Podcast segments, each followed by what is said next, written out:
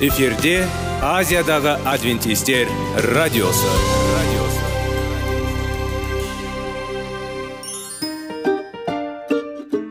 Сәлем достар. Денсаулық өмір бұлағы және біздің бірінші байлығымыз демекші денсаулық сағаты рубрикасына қош келдіңіздер.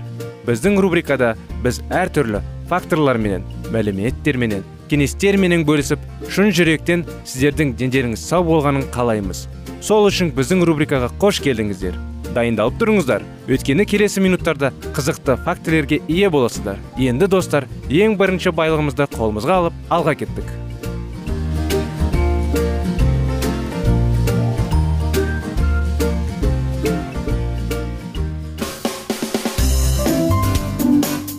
Денсаулық туралы хабар. Денсаулықтың ашылуы.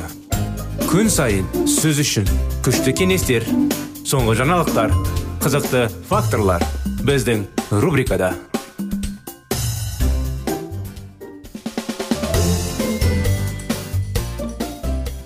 сәлем достар ассалаумағалейкум біздің құрметті радио тыңдаушыларымыз біздің бағдарламамызға қош келдіңіздер. Денсаулық сағат бағдарламасы. Сіздерлердің назарларыңызға салауатты болу салауатты өмір салты тақырыптары. Қозғалыс режимдері. Миокард инфарктінен кейін бірінші қозғалыс режимі деп аталады. Өйткені ол өз физикалық белсенділікті көздейді. Осы қозғалыс режимі 2-4 ай бұрын миокард инфарктісінің бастан кешкен науқастар үшін сондай ақ коронарлық жеткісіліктің айқын көрінген құбылыстар екінші дәрежелі қан айналымының жеткіліксіздігі бар науқастар. Оны қатан түрде орындау керек. Бірінші қозғалтқыш режимі кезінде баспалдықпен жаттығу көтермелері қарастырылады. Бірінші аптасында адамдарға миокард инфарктісіне екіге дейін баяу қарынмен көтерілу ұсынылады. Тыныс алу ерікті. Екінші аптада екінші қабат тоқтау керек. 4-5 рет. Терең дем алу және дем шығару ентігу жалпы әлсіздік және тамыр соғуының күрт желуі болмаса үшінші қабатқа дейін көтеруді көтерілуді жалғастыруға тырысу. Науқас үйренген кезде мұндай жүктемеге баспанлықпен көтерілсе бастауға болады. Күні екі рет орташа қарқынмен бір саты екі секунд. Күніне жаттығулар саны біртіндеп үш төртке дейін жеткізіледі. Сонымен қатар дозаланған да серуендер бастауға болады. Бірінші апта ішінде науқас 1 километр 30 минут қашықты өтеді. Екінші аптада серуенді бір жарым километрден арттыру керек. Сол жылдамдықты үшінші апта 2 километрге дейін төртінші аптада екі жарым километр. Сол жүру жылдамдығы кезінде. Әрқайсысынан кейін үшінші аптадан бастап күніне екі рет жүру қажет. Кешке қашықтықтың жартысын өту ұсынылады. Бірінші қозғалыс режимінде аздаған физикалық күші бар қысқа мерзімді үй жұмыстарының кейбір түрлері орындау. Ауырлықты 5 килограммға дейін көтеру қиын. Келесі режимге өту көрсеткіштері пациенттің көңіл күйі оның физикалық жүктемеге бейімделуі кардиограмманың жақсы көрсеткіштері екінші қозғалыс режимі орта дене белесінділігі бар жаттығу деп аталады. Ол мүмкін миокард инфарктінің төрт және одан да көп үй бұрын және бірінші қозғалыс режимін табысты меңгеретіндерге сондай ақ жүрек қан тамыр ауруларына бірінші дәреже жеткізілдігі. Жаттығу режимі қарқынды жүктемелерді қамтиды. Оның кешендерінде үйлестіруді жетілдіру үшін жаттығулар кереді қан айналымын мен тыныс алуды белесіндіруші үшін қалыпты тұрмыстық жүктемелерді орындауға жүрек қан тамыр жүйесінің әдетін қалпына келтіру және сақтау үшін эмоционалдық тонусты көтеру. Бұл режим аурулар жаттығуларын және ұсынылатын жүктемені қарастырады. Жаттығуларды орындау ұзақтығы 2-3 килограммға дейін болмау керек. Бұл кезеңнің басты мақсаты жүрек тамыр жүйесінің бейімделуі және барлығы дененің физикалық тұрмыстық жүктемелеріне әсері. Бұл ретте миокард инфарктісінің бастан өткерген адам баспалдықпен көтеріп отырып жаттығуды жалғастыра алады. Бірінші аптада мұны орта қарқынмен жасауға болады. Бір сатты екі секунд екінші қабатқа дейін. Содан кейін демалыс 2-3 минут. Және қайтадан үшінші қабатқа дейін көтеруді жалғастыру. Келесі аптада осы қарқынмен төртінші қабатқа дейін көтерілу. Баспалдықпен көтерілу сияқты жылдамдықпен түсу керек. Жаттығу санын күніне 3-4 рет дейін жеткізуге болады. Дозаланған жүру аптасына 2-3 рет күніне 2 рет ұсынылады. Кешке өту ұсынылады. Қашықтықтың жартысы. 2,5-3 километр қашықтыққа бастап оны апта сайын 500 метрге дейін көбейтіп төртінші аптаға дейін жеткізіңіз. Бірінші аптада баяу жүру. Содан кейін жылдамдықты арттыру ұсынылады. Жүру кездері орташа қарқынмен баяу жүруді ауыстыру керек. Қарқынды әрбір бір жарым шақырымнан кейін 5-10 минут демалу керек. Бұл кезде үй жануарларына аздап көмектесуге рұқсат етіледі. Пәтерде ұсақ жөндеу және тазалау дүкенге бару сөмкені көтеру 5 килограммнан ауыр емес. Егер миокард инфарктісінің бастан кешірген адам алдыңғы екі режимінен сәтті өткен болса оны үшінші қозғалтқыш режиміне ауыстыруға болады. Көптеген адамдар табысты оны аяқтағаннан кейін қалыпты еңбек өміріне оралады. Бұл тәртіптің басты міндеті науқас ағзаның еңбекке қабілеттілігін барынша қалпына келтіруді қамтамасыз етуі. Жаттығуларды орындау ұзақтығы артады. Бұл режим кезінде 15 минут болады. Волейбол үстел теннис бадминтон ойнау болады.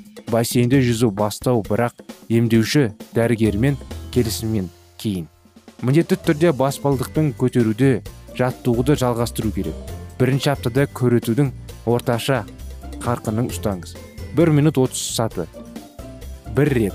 Кейін бірте бірте ұзақтығы мен қарқынын арттырыңыз.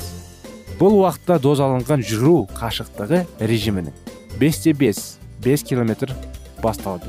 Және апта сайын біртіндеп 500 метр артып жаттығудың төртінші аптасында 8-де 8 5 километр жейін жетеді. Жаяу 4 километр сағат әрбір 2 километрні кейін демалыңыз. 5-10 минут.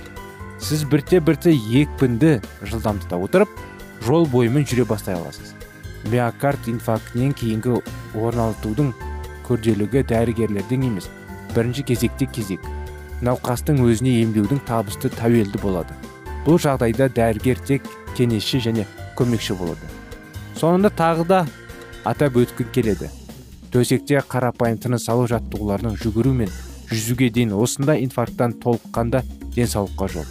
Адам оны жүйелі түрде ұстаса соғұрлым оны асқынулары бар ауыр ауру одан алыстайды. Мінекей осындай кеңестер осындай анықтамалар құрметті достар келесі бағдарламада әрине жалғасын ұсынамыз сіздерге. Келесі жолға дейін сау саламат болыңыздар.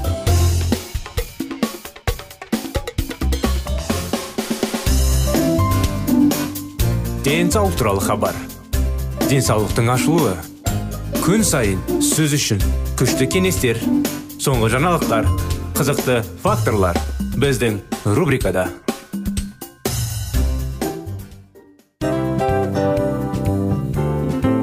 Әуелі байлық денсаулық екінші байлық он саулық үшінші байлық ақ жаулық ал енді осындай радио парақшадан кейін не дейміз? Барлықтарыңызға денсаулықтарыңыз зор болсын деп тілейміз. Денсаулықтың өзгеруі кішкентай нәрселерден басталады. Осымен біз берген кеңестер мен мәліметтер шын жүректен сіздер үшін қандай да бір болсын жәрдем берді деп үміттенеміз. Тыңдаушыларымызбен келесі радио парақшасына дейін қоштассамыз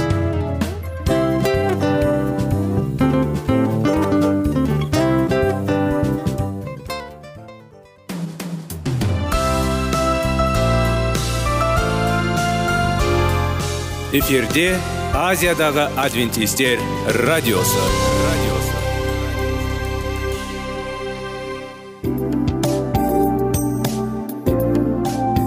Сәлем достар. Барлықтарыңызға шын жүректен сөйлесек рубрикасына қош келдіңіздер деп айтпақшымыз.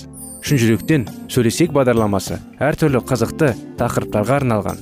Шындығында шын жүректен сөйлесек деген сөздің мағынасы екі достың екі адамның ортасындағы шын жүрекпен сөйлесуі бір біріне сенуі ашықтық пен шындықты білдіреді. Сол үшін біздің бағдарламалар әртүрлі қызықты тақырыптарға арналған. Дайындалыңыз жаңа қызықты мәліметтерге ие болуға. Ондай болса кеттік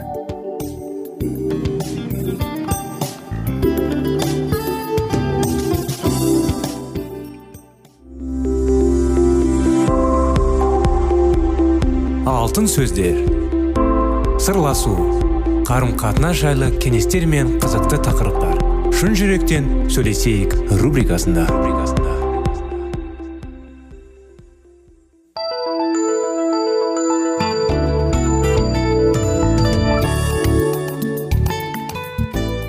Армысыздар сәлеметсіздер ме? Құрметті достар құрметті біздің радио тыңдаушыларымыз сіздерменен бірге шын жүректен сөйлесейік бағдарламасы. Сол бағдарламаны жалғастыра кетсек баланың жүрегіне бес қадам тақырыптарын естеріңізде болса.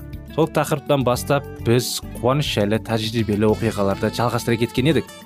Өткен жолы дархан жайлы. Дархан әжесі екеуі көршілердің құдайға сенетін жайлы олардың киелі кітаптары жайлы әңгімелеген еді. Дархан келесі күні солардың үйіне барып жаңағы атайдың үйіне бірге шай іше отырып киелі кітап жайлы сұраған еді. Дархан бұрын балаларға арналған құдай туралы мультфильмдерді көрген болатын. Бірақ онда басқаша еді. Атай дарханға кейбір жайларды түсіндіріп кітаптың кейбір жерлерін оқып бергенін дән риза болып отырды. Қоштасар сәтте атай дарханнан жиі келіп тұруын өтінді. Бала оның өтінішін қуана қабылда алды. Айнұр мен оның мысығы ақмақ дарханды қақпаға дейін шығарып салды. Дархан ертеңіне бұл үйге тағы да келді. Ол атайдың әңгімелерін тыңдап келі кітапты оқыды. Бала оқығандарының белгілеріне шынайы көңілмен сенімен деп айтпағанымен осы жайлы тереңірек білгісі келіп ынталана түсті. Маскішілердің осы бір жұпына да қарапайым үйіне әрдайым жан жайлы тыныштық ауызбірлік нышыны байқалды. Жаратушы құдай туралы әңгімелегенде атайдың көзі күлімсіреп жүзі қуаныштан нұрланып сала берді. Бірде дархан атайдан атай осындай құдайға деген сенім сізде қалай пайда болды? деп сұрады. Осындай бәрін сізге кім үйретті? Соны білгім келеді. Айтып беріңізші деді. Қарт сәл жимиып қойды да кішкентай немересі айнұрды тізесіне отырғызып алып ұсақ сонар әңгімесін бастап кетті әке шешем туралы еш нәрсе есімде жоқ. Өзім революция орнағаннан кейін дүниеге келіппін ол кез қиындығы мол қысталын жылдар еді. Қала көшелерінде панасыз балалар босып жүретін. Олар кейде біреуін затын ұрласа кейде алқандарын жайып қайыр сұрап күн ұзағына көш арылап қанғырып жүретін. Мен алғашында бір әйелдің үйінде тұрдым. Ол таңертеңгісін маған жүрек жайылғандай ғана азық түлік тамақ беретінде у шу ыға жыға болып жататын. Алдардың бірінде шығарып өзім сияқты жаба жолба болып жүретін қайыршы балалармен бірге қайыр сұрататын. Кешкісін мені алып кетуге келетінде күні бойы құлақшыма жиналған тиын тебеттерімді сыпырып алатын. Ол әйелдің маған қандайлықты туысқандық жақындығы бар екендігін білмейтінмін. Оның қолынан қалай келгенім де есімде жоқ. Бірде оның үйінде дөрекі мінезді бір ер адам пайда болды. Ол белгісіз бір себептермен ол әйелді жер жіберіне жетіп ұрсатын еді. Ақыр аяғында мені далаға лақтырып тастады. Бұл күздің қара суық күндерінің бірі болатын. Сол кезде үйі жоқ панасыздарға өте қиын болды. Сол кезде үйі жоқ панасыздарға өте қиын болғандықтан олар ақыр аяғында амалсыздан балалар колониясына немесе жетімханаларға баруға мәжбүр болатын. Мен ол кезде шамамен 6-7 жастағы баламын. Ұнжырған түсім қайда барарымды білмей ұзақ сандалып жүрдім. Үйге оралуға батылым бармады. Денемнің дөрекі еркектің қалағаншыдай қолымен ұрған жерлері жаныма батыл қатты ауырып тұрды. Жаным жабырқап қатты торықтым.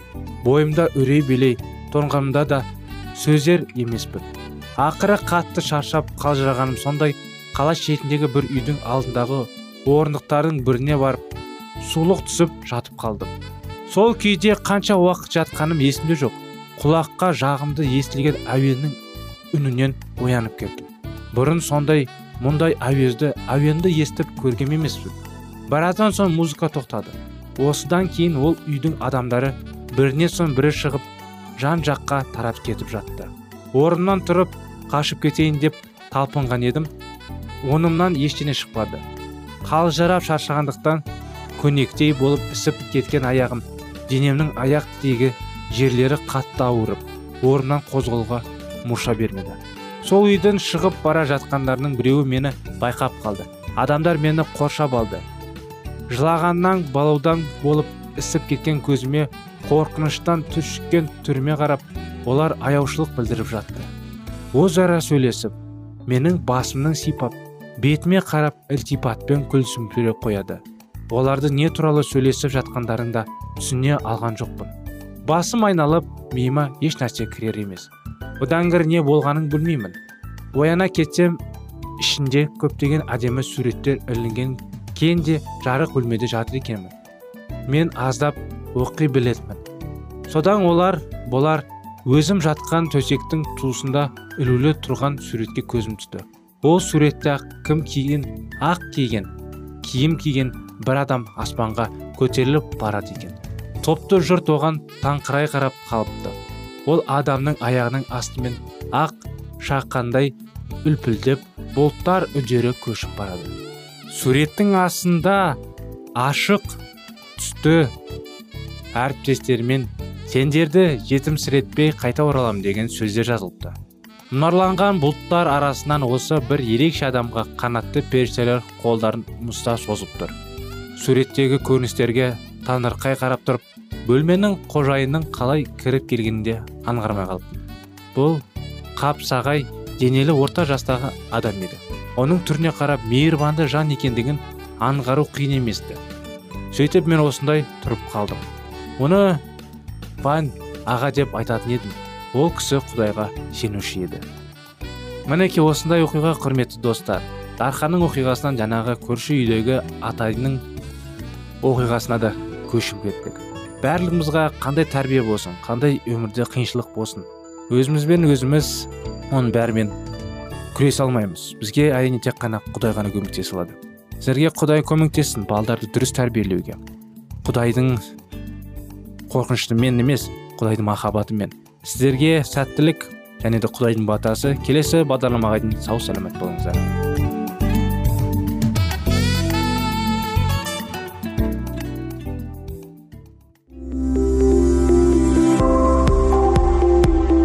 Алтын сөздер. Сырласу.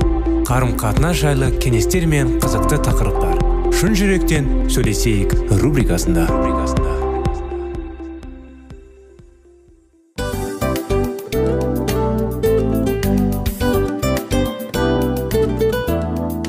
Құрметті достар барлық ең соңғы кеңестер аяқталған соң біздің программамыз соңына келіп қалды. Осы біздің мәліметтер осы рубрикада айтылған әрбір сөздер сіздерге өзінің қандай да бір пайдасын алып келді деп шын жүректен сенеміз. Және бұдан да көптеген рубрикаларымыз бар. Басқа рубрикаларымызда біздің зерттеулерімізде сіздер үшін тағы да қызықты мәліметтер дайын. Біздің шын жүректен сөйлесейік парақшамызда көптеген әдістер ең соңғы кеңестер адамның нравственность жақтан моральдық жақтан тазалап байыта тұрған соңғы кеңестердің барлығын жанарады. Сондықтан алдыңғы күндерде бізбен бірге болыңыздар. Өйткені барлық қызықтар алдыда. Бізбенен бірге болғандарыңызға үлкен рахмет. Келесі кездескенімізше сау сәлемет болыңыздар.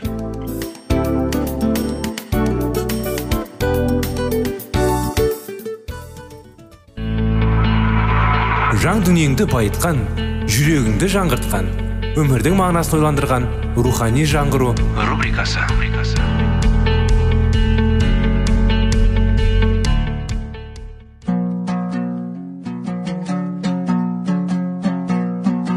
Ассалаумағалейкум біздің тыңдаушыларымыз. Келі кітаптың шындығын ашып берген қысқа бағдарламасына қош келдіңіздер. Барлығынан жоғары жаратушы біздің қарыңғылықта жалғыз қалдырып қойған емес.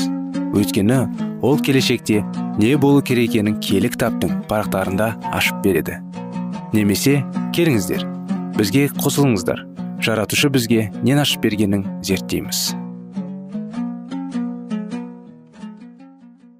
Адамдар ізгі хабардың өздерінің қанына сініп қалған әдетіне қарама қайшы келетінін көріп қарсылық білдіреді. Құдай сөзінің тазалығы олардың күнәсін ешкерлейтін болған соң құдайсыздар оны уағыздаушыларды өлтіріп көздерін жойды. Құдай сөзі адамдар арасында осылайша көрес тудыратының болғандықтан ізгі хабарды иса қылышпен салыстырады. Құдайдың адал құлдарының қуғын сүргінге ұшырап қасірет шеккенін көрген кейбір сенімі әлсіздер арасында түсінбеушілік жасқаншылықты пайда болды. Сұмырайлар мен алаяқтар жақсы өмір сүріп құдайға бағынғандар қасірет шегетін болғандықтан кейбіреулері тіпті аллаға артқан үмітінен айырылды. Неліктен әділетті және мейірімді құдай осыншама зұлымдықты көре тұра ара түспейді деп сұрақ қойылады. Бұл сұрақ бізді толғандауға тиісті емес. Жаратқан құдайдың зор махаббаты иесі екеніне шек келтіруге болмайды. Құтқарушымыз болашақта болатын қуғын сүргінді болжай отырып қызметші иесіне артық емес. Мені қуғындағандар сендерді де қуғындайды деп айтып па еді. Исаның ізбасарлардың көрген азабы исаның көрген азабының зор емес. Егер әлем бізді жек көріп қинаса өлім жазасына ұсынса онда біздер исаның салған жолмен жүріп келе жатқанымыз. Тәңір ие уәдесін орнатуды ұзаққа созбайды. Құдай бізді ешқашан ұмытпайды және тағдырдың тәлкігіне қалдырмайды. Дегенмен құдайдың еркін орындағысы келетіндер алданып қалмаулары үшін арсыздардың өз болмысын толық көрсетулеріне мүмкіндік береді. Қарны ашпаған адам аштықтың не екенін біле ме? Жаңа азапқа түспеген адам зорлық зомбылықтың не екенін қайдан түсінеді? Ол бізді сынайды сенімімізді шындайды. Қасірет біздің жанымызда тәнімізде де тазартады арсыздардың гүлденуі имансыздардың көрген рахаты көздің елесі тәрізді уақытша нәрсе барлық айтқан сөздерін істеген істерін тіпті ойлаған ойларын үшінде жауап беретін уақыт тақу. Құдайдың адал перзенттерінің шеккен азабы үшін арсыздар толық жауап береді. Паул пайғамбар кезінде былай деген болатын. Исаның тазалығы қабылдағандар қуғынға ұшырайды. Ендеше қазір неліктен қуғын сүргін тоқталды? Оның жалғыз ғана себебі бар. Иса мәсіх пен оның оқушыларының кезіндегідей емес қазіргі уақытының діні өзінің тазалығымен. Келігін жолғалтқан қазіргі кезде мәсіхшілер сенімі дүниеге кен түрде тарап отыр. Оның құлаш жоюының басты себебі киелі жазбадағы ақиқаттардың аяқ асты етілуі. Құдай сөзі толық зерттелмейді. Оның заңын кіршіксіз орындап жатқан ешкім жоқ. Шеркеулер салуларына ұшыраған. Құдайға ұнамды өмір сүріп жатқан жан жоқ деуге болады. Барлығы күнәмен ымыраға келіп онымен бірігіп алған. Егер қазіргі масықшілер ежелгі масықшілердің жүректері таза ниеттері шынайы сенімділік берік аллаға шын берілген жандар болса онда қуғын сүргеннің жалының қайырдан жарқ кеткен болар еді. Үшінші тарау. Рухани түнек дәуірі. Исаның шәкірті паул салоникаларға арналған екінші жолдама хатында рим империясы діни басшысының билеп төстеуіне байланысты шегінушілік болатынын атап атқан болатын. Ол өзін мен құдайға парапар келемін деп есептейтін күнәқар адам келіп құдай үйінің төріне шығып және соның кеуіліне байланысты шегінушілік болмайынша ақыр заман келмейді деп жазған болатын. Бұдан әрі өз хатында елші заңсыздықтың құпиясы іске кірісті деп бауырларына алдын ала хабарлады. Діннің алғашқы дәуірінің өзінде ақ ол шынайы дінге енетін әр түрлі адасушылықтардың болатын және сол адасушылықтардың рим папасының келуіне жол әзірлейтінін білген болатын. Заңсыздықтың құпиясы өзінің құдайға қарсы ісін әуелде білдіртпей бастап кейін күш ала келе адамдардың ойын түгел бауыр алған. Осылайша құдайсыздардың сал дәстүрлері шынайы дінге білінбей енді. Бұл кезушілік пен шегінушілік рухы біраз уақыт құдайға сенбейтіндердің әрекетімен тоқтатылып тұрады да қуғын тоқталыстармен иса мәсіхтің және оның шәкірттерінің момындығы мен қарапайымдылығының орнын ырым жырым басшыларының менменшілдігі мен тәкаппарлығына басты. Сөйтіп құдайдың бекіткен заңын адамдар өз жандарынан шығарған заңмен алмастырды. Төртінші ғасырдың басында константин императорның көз бояушылықпен құдайды қабылдағанын сенушілер қуанышты қарсы алып осылайша тазалықтың атын жамылып құдай үйіне зұлымдық енді. Сонан соң сенетіндердің арасында жүк түсті. Құдайсыздар жеңімпаз атанып оның рухы құдай үйіне билеп төседі. Арсыздардың ілімі салт дәстүрлер ырым жырымдары исаның ізбасарларының таза сенімдерімен араласып кете барды.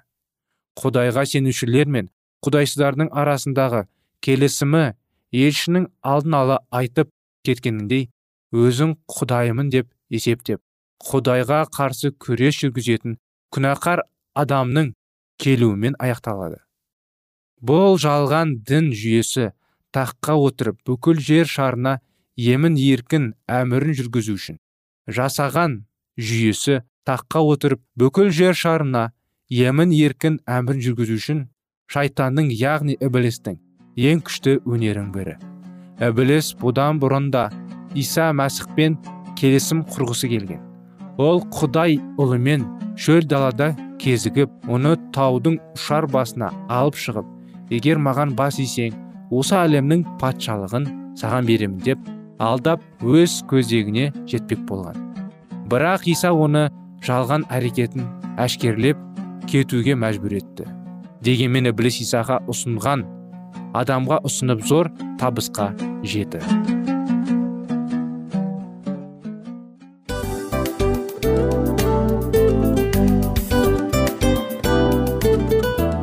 достар біздің радио парақшамыз өзінің соңына келіп те қалды.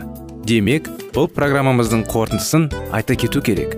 Негізі істің басталып жатқаның қуанту керек пе? Әлде оның қорытындысы қуанту керек пе? Сіздер қалай ойлайсыздар? Меніңше қорытындысы деп ойлаймын. Себебі жасаған ісінің жемісін көріп қорытынды арқылы бағалап жүрегін қуантады. Баяғыда айтқандай бидайды сепкенде емес бидайдың жемісін жинаған кейін ыстық нанды жегенде кәдімгідей рахаттанасың ғой. Осымен біздің бағдарламамыздың аяғында тыңдаушыларымыз қандай пайда алды екен деген ойдамыз. Егерде өткен сфераларда пайдалы кеңес алған болсаңыз біз өзіміздің мақсатымызға жеткеніміз.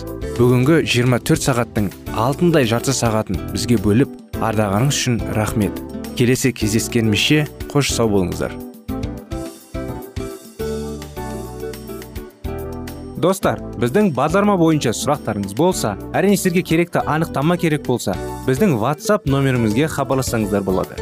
Плюс бір үш жүз бір жеті жүз алпыс алпыс жетпіс. Иә достар сіздер қателеспедіңіздер бұл біздің номерлерге ұқсас болмаса да бұл whatsapp номер арнайы. Хабарласыңыздар сұрақтарыңызды қойып тұрыңыздар. Анықтаманы алып тұрыңыздар. Плюс бір үш жүз бір жеті жүз алпыс алпыс жетпіс ватсап номері.